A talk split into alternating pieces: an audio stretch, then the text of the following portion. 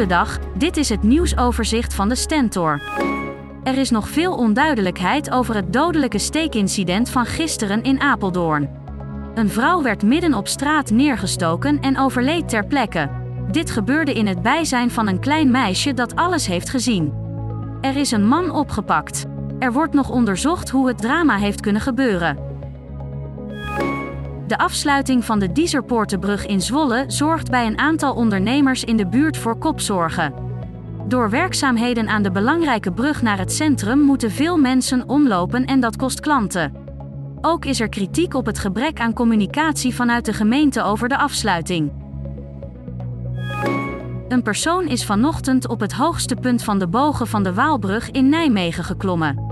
Het duurde uren voordat de brugklimmer via een hoogwerker van de brandweer naar beneden kon worden gehaald. Door het incident ontstond een verkeerschaos. Boer Heimo van Deuveren uit Putten en zijn gezin leven in onzekerheid.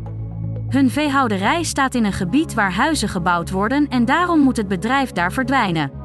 Een nieuwe plek is nog niet gevonden, maar de nieuwbouwplannen gaan wel door. Van Deuveren vreest dat toekomstige bewoners van de nieuwbouwwijk last gaan krijgen van stank.